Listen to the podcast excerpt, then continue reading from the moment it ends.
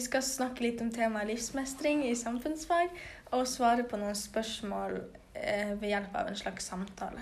Ja, og det første spørsmålet er jo litt om forbruk. da, og Hvordan vil du egentlig oppsummere forbruksmønster i Norge, og hvordan det egentlig har utvikla seg? Eh, det temaet har vi jo jobba litt med før, og da fant vi en eh, nettside der man kunne sammenligne to år. Og da sammenligner vi jo eh, tidlig 2000-tallet, og det var vel 2005, ja, og 2020. Og da ser man at man bruker peng mye mer penger på egentlig alt Mm. nå i dag enn det man gjorde før. F.eks. i matvarer og alkoholfrie drikkevarer eksempel, så var det i 2005 rundt 100 000, og i 2020 nest opp imot 190 000. Så det har jo endra seg en del der. Ja, Det sier jo litt om eh, sikkert hvor mye mer tilgang vi har til det nå i dag da, enn det vi hadde før også. Ja. Så ja. Jepp.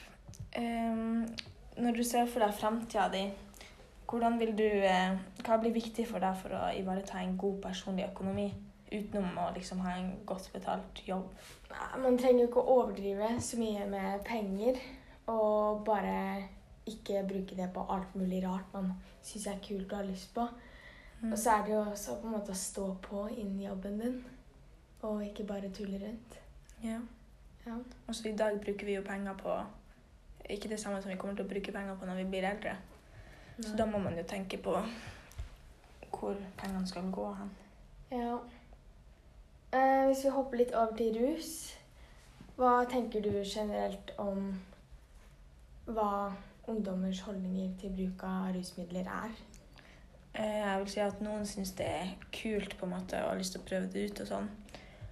Mens noen er vel fast bestemt på å holde seg vekk fra det og prøve å holde seg vekk fra det så lenge de klarer, liksom. Ja. Så er det også rus Folk bruker jo mye rusmidler på fest og sånn også for å glemme og bare ha det bra der og da, liksom. Så ja, det er jo veldig kult der og da. Ja, men etterpå kan det få litt konsekvenser. Mm. Eh, videre på rus. Eh, er det noen holdninger som kan føre til at grenser til å ta vurderinger om hva som er greit, strekkes? Eh, det er jo det at folk kan gå litt crazy når de f.eks. har drikket mye og tatt opp og alt sånt der. Så da kan de finne på å gjøre ting som kanskje ikke er så lure valg å ta og sånn. Hva tenker du egentlig om det?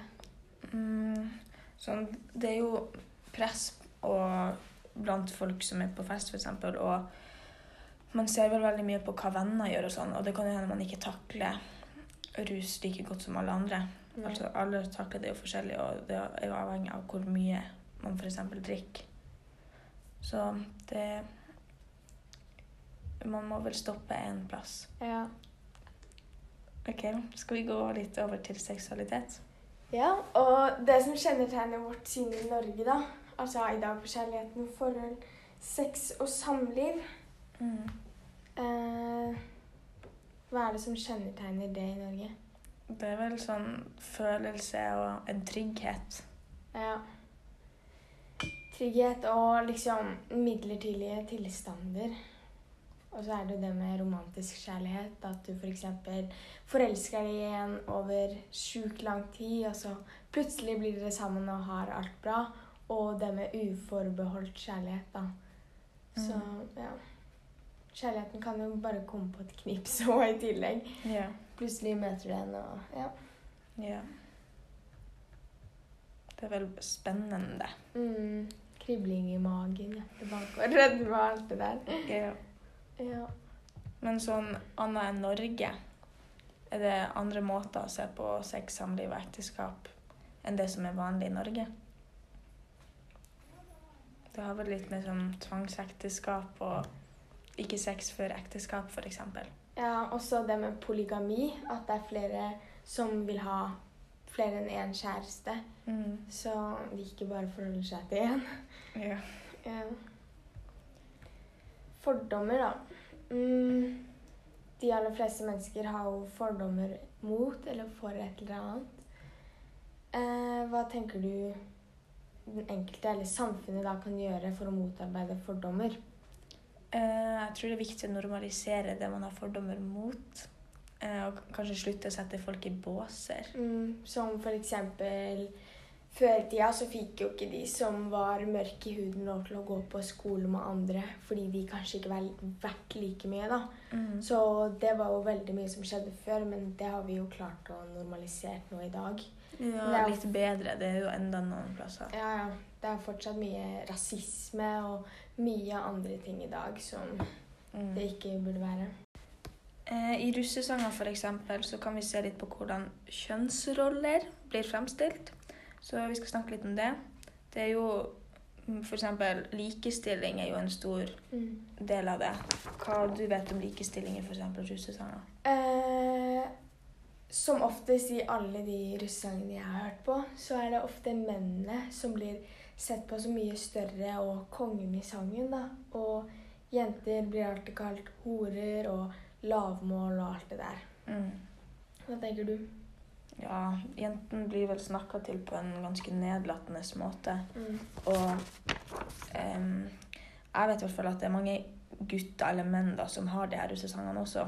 Så jentene kan jo ikke stoppe det heller, for at de er jo ikke en del av det. Nei. Så ja Kjønnsrollen blir vel fremstilt på to helt forskjellige måter. Ja, ikke like i det hele tatt. Em, men hva er forskjellen på ønsket seksuell kontakt og seksuell overgrep, da? Eh, ja, I russesangen for eksempel, så synger de jo også litt om eh, For eksempel 'Nå skal jeg ta deg med meg hjem', og Mm. alt sånt der, selv om du ikke har lyst, på en måte. Så det handler vel litt om at seksuell kontakt, ønska seksuell kontakt, da er vel begge parter med på det, uansett om det er en jente og en gutt, eller to gutter eller to jenter, liksom. Mm. Eller flere, for den saks skyld. Men seksuelle overgrep, det er jo noe man ikke har lyst til, og det er jo ulovlig. Man kan straffes for det, Ja. og det sier seg jo sjøl. Du får Overgrep. liksom ikke noe valg Nei. der via seksuelle overgreper.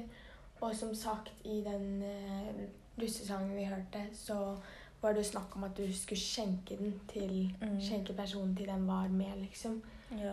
Og da Hvis personen sto og sa nei om det tidligere, og så blir skjenka og ikke klarer å si noe, f.eks., så sier man jo ikke ja uansett. Nei. Så ja, nei.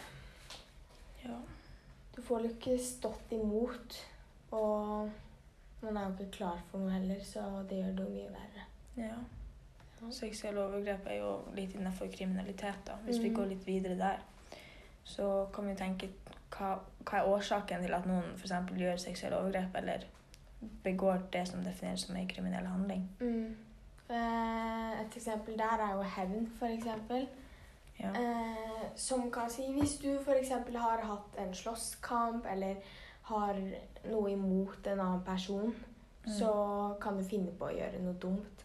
Via at du kanskje har rusa deg og bare vil gjøre det bra igjen på din side ved å ødelegge noe for noen andre. ja. Ja. Eller at man har noe imot noen, eller står i gjeld til noen.